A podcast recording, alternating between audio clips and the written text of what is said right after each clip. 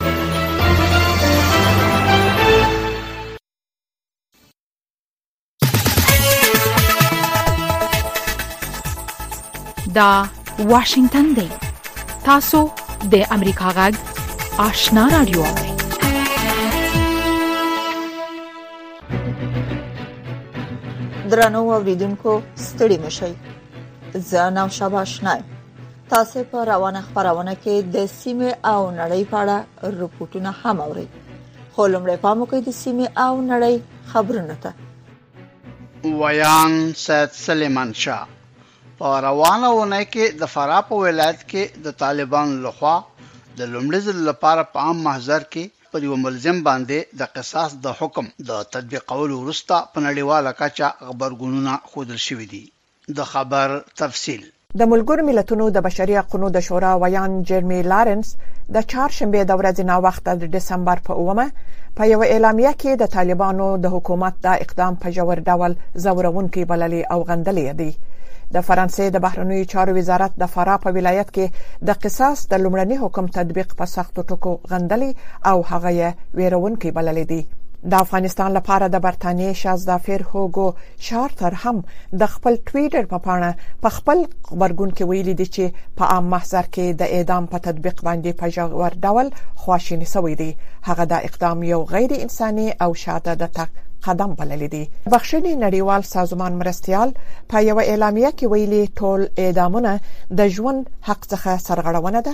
او کوم اقدامات چې په علني ډول په دې برخه کې تر سره کیږي انساني کرامت ته سپکاوی دی او د زغم وړ نه دي. شافیه سردار امریکا غږ. په عین وخت کې د متحده ایالاتو حکومت ویلي دي، طالبان غواړي چې د علني اعدامونو له لارې خپلې پخوانۍ دورې ته ورستانه شي. د امریکا د بهرنیو چارو د وزارت ویاند نیډ پرایس د چهارشنبې په ورځ د یوه مطبوعاتي کانفرنس په دوران کې خبریالانو ته وویل چې موږ په دې وروستیو وختونو کې له کرکې نه ډکې ویډیوګانې لیدلې دي. او داسې ښکاري چې طالبان غواړي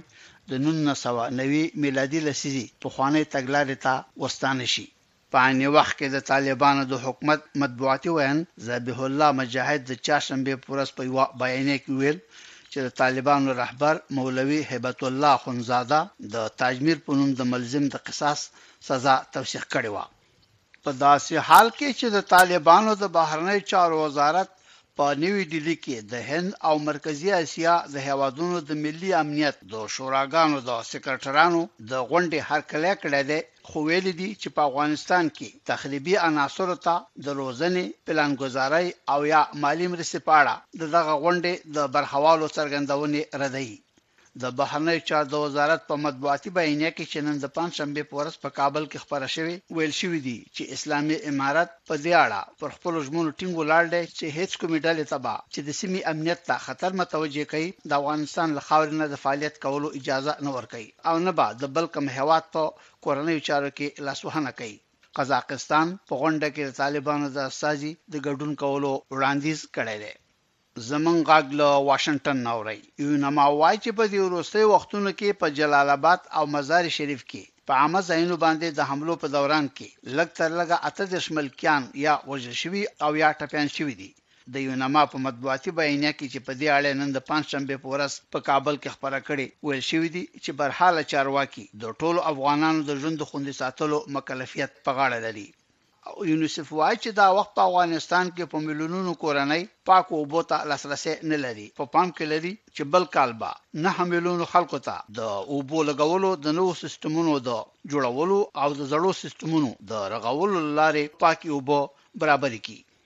د ایران د مذهبي مشر جلاوطنې خور د خپل ورور د جابرانه او مستبد رژیم غندنه کړې. او وايي هیله لري چې ژر به د ایت الله خامنای د استبداد او ظلم دوره پای ته ورسیږي.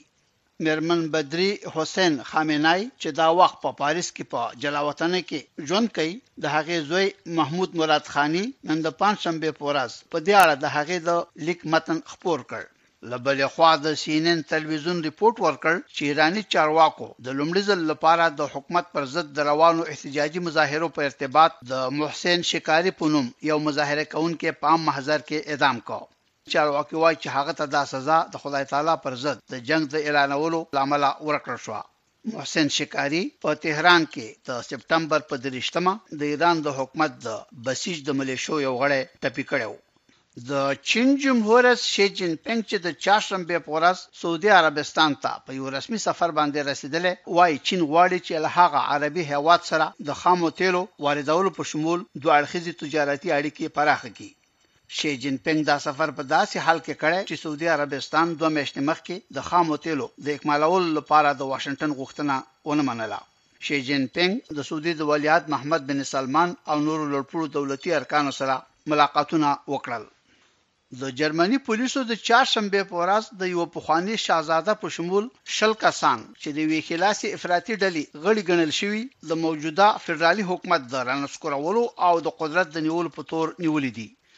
د ډېلې ټېلګراف ورځپاڼې د رپوټ له مخې، چارواکو د دې اقدام نه وروسته له بریتانیې سره د جرمني سوداګریزې اړیکې هم ځنډولې دي. پولیسو وویل چې نیول شوي شهزاده په بریتانیا کې تجارتي کاروبار کاوه. پخواني شهزاده هنریچ غوښتل چې د ښیلاسي افراطیانو په مرسته موجوده فدرالي حکومت رانسکور کړي او خپل ځای نه پر ځای پادشاه اعلان کړي.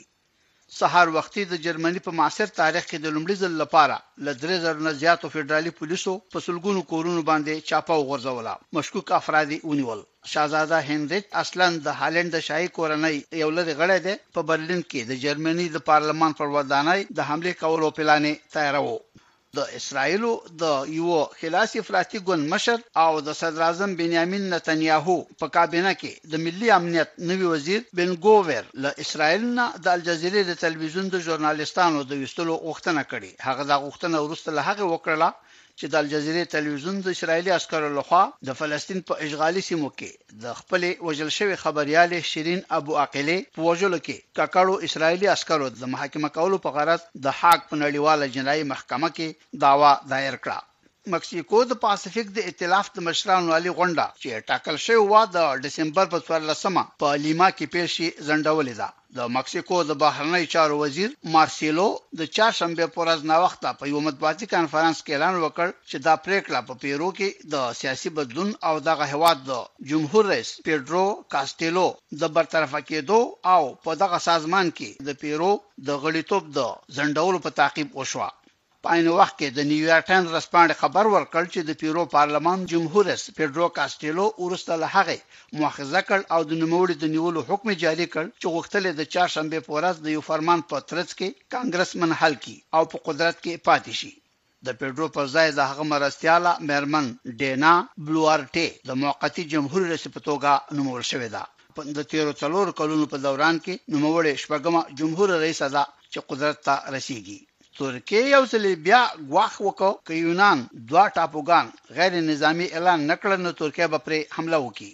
د ترکیې د بهرنیو چارو وزیر مولود چاوغلو د چهارشنبې په ورځ په انقره کې د یوه مطبوعاتي کانفرانس په دوران کې خبرداری ورکړ که د انقرې په غوښتنې عمل ونه کړ د ترکیې وسله وال ځواکونه به د رودز او لیباس پر ټاپوګانو باندې د یونانیانو د قبضې ختمول له نورو لارو نه چیلنج کړي.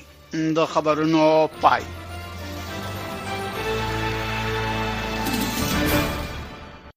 د سیمې او نړۍ خبرونه مو واوریدل، پام وکړئ د سیمې او نړۍ په اړه رپوټونو ته. د طالبانو د حکومت د بهرنیو چارو وزارت په نوي ډیلي کې د هند او منځنۍ اسیا هیوادونو د ملي امنیت سلاکارانو د لومړنۍ غونډې وروسته په خپره شوې اعلامیه کې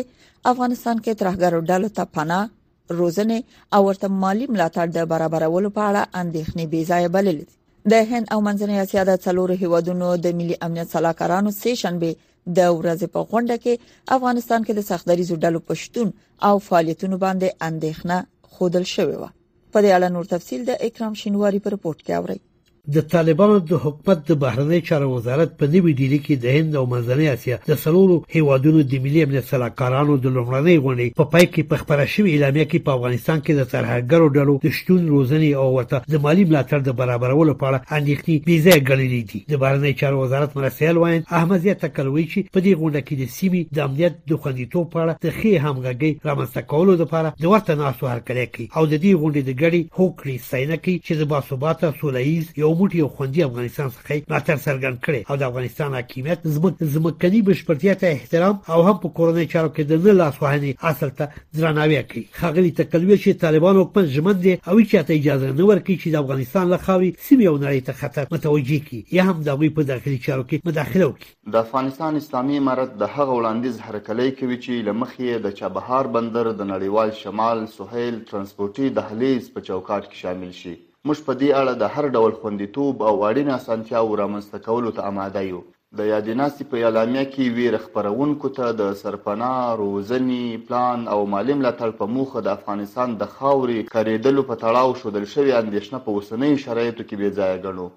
هیله مند چې د هند، مرکزي اسیا د ملي امنیت سلاکارانو د امنیت شورا سیکرټرانو راتلونکې دوهمې ناستې ته چې په دوه زره درویشت کال کې مۍ میاشت کې په قزاقستان کې جوړیدونکې ده، افغانستان ته هم د ګډون بلنه ورکړل شي. دا غونډه د سې شنبې په ورځ د دسامبر په شپږم په نوي ډیلي کې د افغانستان د امنیتي وضعیت او له دغه هېواد څخه د پېښېدونکو تروریستي ګواښونو سره د مقابلې د لارو چارو د لټولو لپاره د هند د ملي امنیت د سلاکار اجیت ډوول په کوربتوب جوړه شوې وه. په دې غونډه کې د قزاقستان، قرغیزستان، تاجکستان او د ازبکستان د ملي امنیت سلاکارانو ګډون کړو د سیاسي چارو یو کارپوه ډاکټر عزیز مالیجوی چې هند او د سیمې یو شمېر هیوادونه افغانستان کې د ترهګرو ډلو د فعالیت په اړه اندېښنې لري چې همدا اندېښنې د هند او منځنۍ اسیا د څلورو هیوادونو د ملي امنیت د سلاکارانو په لومړۍ غونډه هم منعکسې شوې چې یقینا ګاونډي هیوادونه د طالبانو په حاکمیت کې د ځینو ترهګرو ډلو لکه داعش، لکه القاعده، جیش محمدي، فاطمون، سپاه صحابه او داسې نور چې له بهر نه عنوان کې چې دا ډلې شتون لري دوی اندېښنه خپل کورني امنیت ته لري خامخا به یو ځای نه جبر راټولېږي لکه اوس په کې راټول شوي دي او د خپل د امنیت د کورني امنیت د پاره ډار ترلاسه کوي او خاص ځانګړي تدابیر بنسي نو دا د دوی خپل اندېښنې دي د نړیوال اړیکو یو کارپو سنګر امیرزاده وایي چې سیمې او ګاونډي هیوادونه د افغانستان د وضعیت په اړه اندېښنې لري چې باید ورته ځواب وویل شي سنګر امیرزاده وایي چې قسم د طالبانو د حکومت چارواکو د افغانستان له خاورې سیمې او نړۍ هیوادو ته د ګواښ د نه پیښېدو ډاډ ورکړي خو دا هیوادونه لا هم اندېښنې لري هم دنیا هم یموږ د سیمې هیوادونه تشویش لري او دغه تشویش باید ورته رفع شي د سیاسي چارو یو بل کارپو احمد سیدي په دې نظر دی چې د طالبانو د حکومت په اړه د روسیې او د منځنۍ اسیا د هیوادو نظر کې یو څه بدلون راغلی روسیه چین ایران د روسیې بیانه مملکتونه په دې نظر و چې امریکایان له افغانستان وتلی آینده داسې حکومت د طالبانو تر اثر لاندې په افغانستان کې وي چې د امریکایانو په مقناطیسي ساحه کې نه وي یعنی له امریکا نه به امر نه نه خارج وي خغلی سیدی په نظر اوس دا هیوادونه په دې لټه کې چې د افغانستان په اړه په خپل پالیسي باندې له سره کتنه وکړي انتظار پای ته ورسید ترنو لیدونکو او اوریدونکو تاسو کولی شئ د امریکا غا ټلویزیونی او رادیوي خبرونه د یاسر ساتلایت له طریقه وګورئ او واوري د نوي ساتلایت لارې تاسو د آشنا اتصال او کاروان ټلویزیونی خبرونه کتلای هم شئ د امریکا غږ د افغانستان څنګه خبرونه په 398 چنل او د آشنا رادیوي خبرونه په 398 چنل کې اوریدلای شئ لملتیا مو د تل پشان مننه رپوټونو ته د واشنگټن د سټډیو نه ادامه ورکوم پاکستان هڅه وکړه چې له واشنگټن سره خپلې دوه اړخیزې اړیکې بیرته عیارې کړي خو په افغانستان کې د امریکا تر مشرۍ لاندې د شلو کلونو جنگ نه وروسته په هغه هیواد کې د امریکا ضد بیانونه او ته رسیدلې دي او له بیجینګ سره یې نږدې اړیکې هم په لار کې خنډ واقع کیږي په واشنګټن کې د امریکا غږ خبرياله سارا زمان د موضوع ته په 2022 میلادي کال کې په جنوبي اسیا کې د بیجینګ او واشنگټن ترمنځ د رقابت پرانا کې کتنه کړې ده چې د رپورت خلاصې زمنګ له همکار سید سلیمان شاه نه اوري د پاکستان مشرانو سکهال هڅه وکړه چې له متحده ایالاتو سره دغه هواد اړیکې لسره عیارې کړي د اسوشیټیډ پریس خبري اژانس د رپورټ له مخې د پاکستان د بهرنیو چارو وزیر بلاول بوټو زرداري په نیویارک کې د عمومي اسمبلۍ په غونډه کې د ګډون په ضمن کې په یوه مرکه کې وویل اوس د دې وخت را رسېدلی دی چې متحده ایالات او پاکستان محض د امنیتي ملحوظاتو پر اساس انډیوالي ونه ساتي. زه په دې باور یم چې په تیرو وختونو کې د پاکستان او د متحده ایالاتو اړیکې تر ډیره حده د افغانستان د پیښو تر اغیزې لاندې راغلي وې جیوستراتیژیک او جیوپولیټیک ملحوظات په نظر کې نیول کېدل اوس زموږ د پاره د دې وخت را رسېدلی دی چې مخ په وړاندې ولاړ شو پاکستان په افغانستان کې د امریکا په مشرۍ په شل کلن جنګ کې د خپل اصلي وزن او طاقت نه زیات رول ولوبوو. په وړم کال د دغه اوږده جنګ د پای ته رسېدو نه وروسته د پاکستان نوم د بایډن د ادارې د ملي امنیت د هغه ستراتیژیکي لیست نه چې د دوه زره دوه ویشت میلادي کال لپاره یې سږ کال په اکټوبر کې خپور کړ حذف شو. په هند کې د پاکستان پخوانی عالي کمېشنر عبدالباسط وايي، کومه لاره چې اسلام اباد نیولې ده، ښکاره او روښانه ده. Pakistan being a strategic partner of China we can not really aspire دا چې پاکستان د چین یو ستراتیژیک ملګری دی، موږ واقعاً نشو کولای چې په یوه وخت کې د متحده ایالاتو د ستراتیژیک انډیوال رول هم ولوبوو. خو بیا هم پاکستان هیله مند دی چې په کومو برخو کې چې د دواړو هیوادونو مشترکې ګټې پرتې وي د همدغو شریکو ګټو په خاطر انډیوالي سره وساتي. د پاکستان موجوده اقتصادي ستونزې، سیاسي ناکراري او د امریکایانو په ضد په پراخه کچه منفي احساسات له متحده ایالاتو سره د نژدې انډیوالۍ په لاره کې خنډونه ایجادوي. له بلې خوا سږکال په اپرېل کې په زور او جبر له قدرت نه له لوېدو وروسته د پاکستان پخواني صدراعظم عمران خان د متحده ایالاتو حکومت د نوموړي د حکومت د زوال په دسیسه کې په لاس لرلو باندې تورن کړل. که څه هم چې واشنګټن بار بار دغه تور رد کړی دی خو دا یو داسې الزام دی چې د عمران خان په میلیونونو طرفداران یې مني او باور پرې کوي. د واشنګټن د سولې د انسټیټوټ مشره مېرمن تمنا سالک الدین وایي چې د امریکا پر ضد د پاکستان د خلکو دا ډول منفي احساسات د واشنګټن لپاره له هغه هېواد سره یو ځای کار کول ستونزمن کړي دي. په داسې حال کې چې د امریکا په ضد احساساتي بیانونو سلسله خپل اوج ته رسیدلې وي او هغه ځای هم په ښکاره ډول د پاکستان دننه د خلکو په ذهنونو او مفکورو باندې څرګندوي د متحده ایالاتو لپاره خورا ډیره ګرانه وي چې په برالا توګه د پاکستان سره د نږدې نه همکاري وکړي او یا انډیوالي ورسره وکړي. نوموړی وايي چې هر چا په کرملین کې د روسیې د جمهور رئیس ولادیمیر پوتین سره په هماغه ورځ چې پر یوکراین باندې نظامي یرغل وکړ د عمران خان تصویرونه ولیدل، خو نوموړې وايي چې مسکو او اسلام اباد اړیکې د واشنګټن او اسلام اباد ترمنځ د اړیکو د عیارولو په برخه کې کوم غټ فکټور نه دی. د تمنا سالک الدین په باور اصلاً په نظامي او اقتصادي برخو کې او هم د انرژۍ په سکټور کې د بیجینګ او اسلام اباد ترمنځ د اړیکو ژورېدل تر ټولو مهم فکټر دی. د بایډن ادارې د پاکستان له نوي حکومت سره د اړیکو د ښه کولو وړاندیز وکړ او هم یې ورسره د هغه هېواد د هوایي پوځ د اف شپاړس ډوله جټ الوتکو د فعال ساتلو لپاره څلور سوه او پنځوس میلیونو ډالرو نظامي مرستې ژمنه وکړه او ډېرو خلکو د بایډن د ادارې دا وړاندیز د دواړو ملکونو ترمنځ د اړیکو د ارولو لپاره یوه مثبته نښه بللې وه، خو د بایډن د ادارې دغه اقدام نوی ډیلی سخت په غوسه کړ نوې ډیلې له پاکستان سره د متحده ایالاتو نظامی مرسته خپل ملي امنیت ته ښکاره ګواښ ګڼي په نوې ډیلې کې د پاکستان پخوانی کمشنر عبدالباسط وایي چې د چین پر ضد د نوې ډیلي او واشنګټن ترمنځ د نظامی اړیکو ژورېدل د پاکستان د ملي امنیت لپاره یو مستقیم چلنج دی. نوموړی زیاتوي، چې د قاد د همکارۍ د سازمان د چتر لاندې متحده ایالاتو هند ته د شلو میلیاردو ډالرو په ارزښت د دفاعي لوازمو د برابرولو ژمنه کړې او هم واشنګټن په ښکاره توګه د ملګرو ملتونو د امنیت په شورا کې د هند د دایمي عضویت ملاتړ کوي.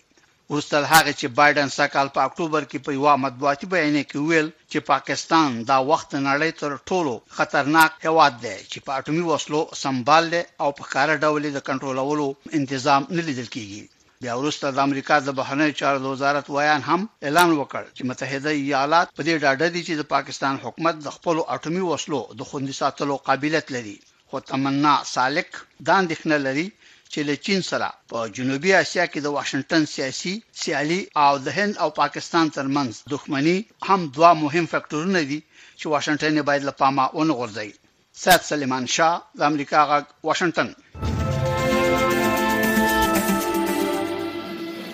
د امریکا غږ آشنا رادیو درنو اوریدونکو تاسو کولای شئ د امریکا غږ آشنا رادیو خبرونه په منځنیو څپو 1290 او 902 کیلو هرتز او لنډې څپې 11515 باندې واورئ د سیمې او نړۍ په اړه رپورټونه د امریکا غږ آشنا رادیو د واشنگټن د سټډیو نه اوري په جرمني کې پولیسو د چهارشنبې په ورځ د هغه هیواد په مختلفو ښارونو کې د هغه څه په خلاف پراخ عملیات ترسره کړي چې چارواکي د ښي اړخې افراطیانو له لورې د جرمني د حکومت په خلاف د کودتا هڅه بولي تفصیلي په رپورټ کې اورئ د چهارشنبې د ورځې په عملیاتو کې د جرمني په یوولس ایالتونو کې په زرګونو پولیسو برخه لرله امنیتي چارواکي وایي په دغه هیواد کې د شکمنو شي اړخه افراطیانو پر لسګونو پټنځایونو باندې چاپې وهل سوي چې شک کیږي د حکومت په خلاف یې وسلوالي کودتا ته پلان جوړ کړی و دیموکراسي پلي کیږي له نن سهار راهیسي د ترهګرۍ ضد ستر عملیات پیل سوي دي لویه څارنوالي د ریخ غورځنګ په نوم د ترهګرو یوې شکمنې شبکې په اړه پلټنې کوي داسې شکونه سته چې پر رسمي ادارو باندې د وسلوال برید پلان نیول شوی وو په جرمني کې د شي اړخي ریخ غورځنګ ځینو غړو له دې وړاندې د دغه هیواد له اساسي قانون سره مخالفت ښودلی او د حکومت د نسکورولو غږ یې کړی و څارنوالان وایي د عملیاتو په ترڅ کې د یوه روسي تابع په ګډون پنځه ویشت تنه د ترهګرې ډلې د غړیتوب او ملاتړ په شک نیول شوي دي چې د چارواکو په خبره په پارلمان یې د برید تابیا کړې وه په نیول شوو کسانو کې د بریجټ ایم ډبلیو په نوم یوه قاضۍ او د پارلمان پخوانۍ وکیله هم شامله ده د جرمني د شپیګل ورځپاڼې د راپور په اساس په دغو عملیاتو کې د جرمني د ځانګړو ځواکونو کې اس کې بارکونه هم پلټل سوي دي. د دغو ځانګړو ځواکونو پر ځینو غړو باندې پخوا هم د ښي اړخو افراطیانو د ملاتړ شک ښودل شوی و. د جرمني د امنیتي مسؤلینو په حواله نیول شویو مشکوکو کسانو باور درلود چې یوازې د وسلوالې کودتا له لارې کولای شي هدف ته ورسیږي. څارنوالانو همدارنګه ویلي د دغو ښي اړخه افراطیانو یوه مشر هنریچ دیارلسم پي آر همدارنګه له روسي چارواکو سره اړیکې نیولي چې له کودتا وروسته د نوي حکومت د تشکیلاتو په اړه ورسره مشوره وکړي. امنیتي مسؤلینو ویلي چې ټاکل شوې نیول شوي تورن کسان په راتلونکو دوو ورځو کې محکمې ته وړاندې شي. پر دوی تور دی چې د دوه زره یوویشت کال د نومبر راهیسې یې برید ته تیاری نیوه، د ډزو کولو زده کړه یې کوله، وسلې او مهمات یې پېرل او نوي کسان یې استخدامول. طالبانو د افغانستان له دننه د امریکا غږ راډیويي خپرونې درولې دي، خو تاسو کولی شئ زموږ پښتو خپرونې پر لنډو څپو هم واورئ. پښتو سهارنۍ خبری خپرونې پر اووه زره دوه سوه نوي څپو اوریدلی شئ.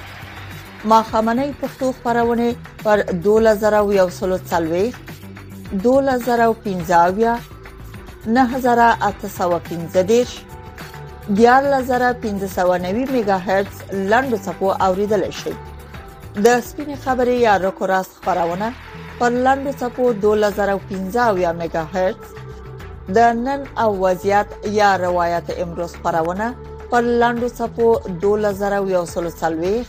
9915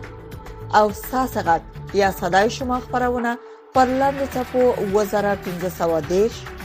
او 9315 میگا هرتز اوریدل شي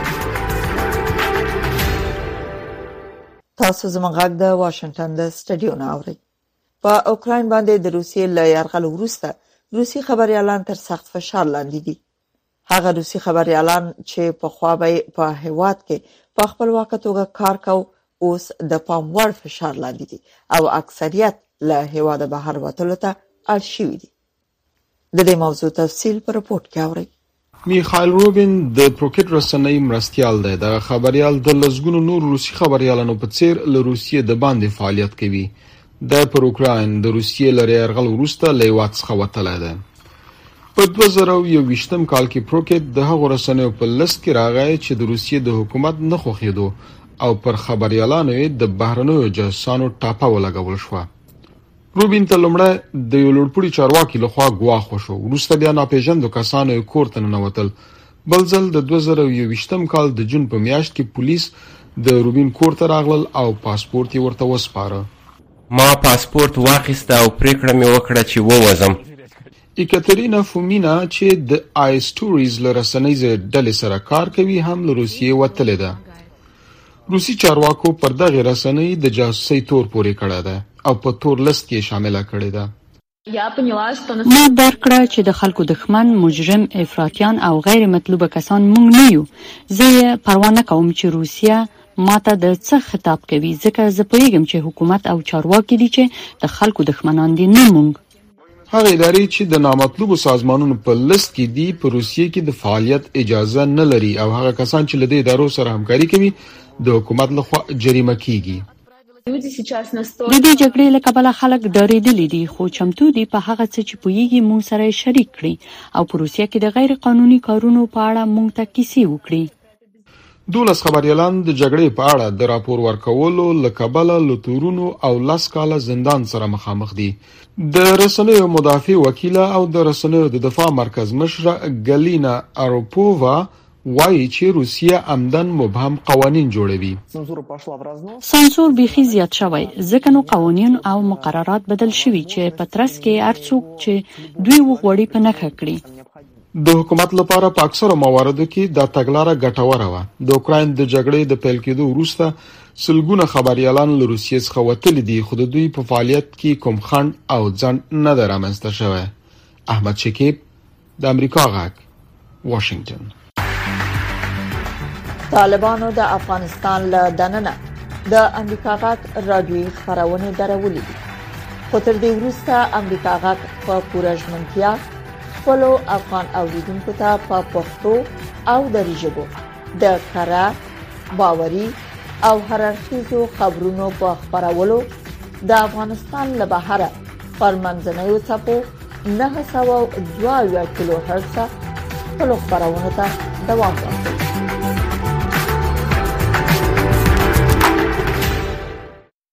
او د روانې خپرونې په وروستي رپورټ کې اورئ باسواده ښځو د ګوزڼ ضد مبارزه کې مثبت رول لوبولی هم خپل ماشومان واکسین کړي او هم نورو ښځو ته قناعت ورکړي په کندز کې لوستې مېرمنې وایي په دې پوهیږي چې د واکسین په اړه منفي ذهنیت د ماشومانو راتلونکې له ګواښ سره مخ کوي عاشق الله جلالزی له کندز نه په دې اړه رپورټ رالېږلی. د پولیو پر ضد منفي تبلیغاتو د لوستو ښځو ذهنیت نه دی خراب کړی او هغوی په دې پوه دي چې د واکسین ګټې د ماشومانو لپاره څومره دي. د کندوز ولایت اوسېدونکې ښکلا نیکزاد په یوه لرې پرته سیمه کې ښوونکې ده. هغه وایي بې سواده میندې د واکسین په اهمیت نه پوهېږي او هغه وخت چې د عامه پوهاوي پر ځای د واکسین پر ضد تبلیغات شوي د ډیرو میندو ذهن یې خراب کړی وو دا وایي په خپله یې ډیرې میندې د ګوزڼ ضد واکسین په ګټو قانع کړي دي او اوس خپلو ماشومانو ته واکسین کوي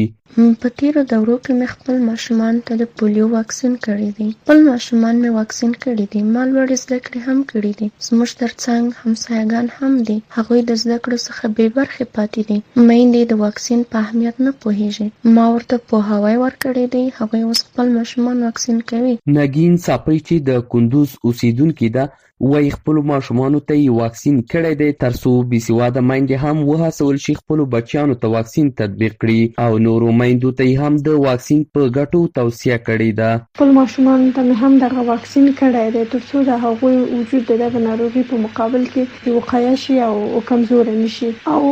دا کار مې هم ترسره کړی دی چې نورو کسانو ته هم دغه واکسین په اړه توصیه وکړم، کور او کلي کې د دغه واکسین په ارزښت په هکله هغو ته وایم او هغو هم دې کار ته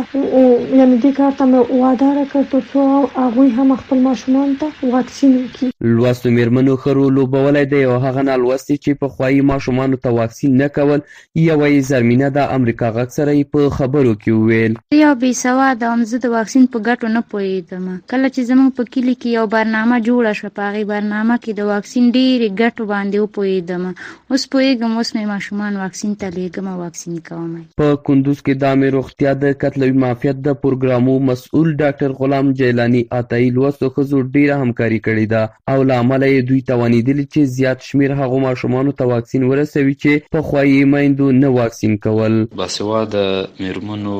رول په پروګرام کې ډېر مهم دی او اغېزمن هم دی، ځکه چې دوی په اسانۍ سره کولی شي چې په کمپاینو کې هر هغه ماشوم چې واجد د شرایط دی او دوی په اسانۍ سره کولی شي چې دغه کورو ته لاړ شي او دغه میندو سره د پروګرام په رابطه باندې او اهمیت په رابطه باندې وغږیږي او هغوی دې ته وهڅوي چې خپل ماشومان په کورو کې واکسین کړي. د ګوزڼ ضد واکسین دوه څاڅکي ماشومان وقایه کوي او له دایمي فلج یې ژغوري. عاشق الله جلالزوی، د امریکا غږ آشنا راډیو، کندوز. درنو اوریدونکو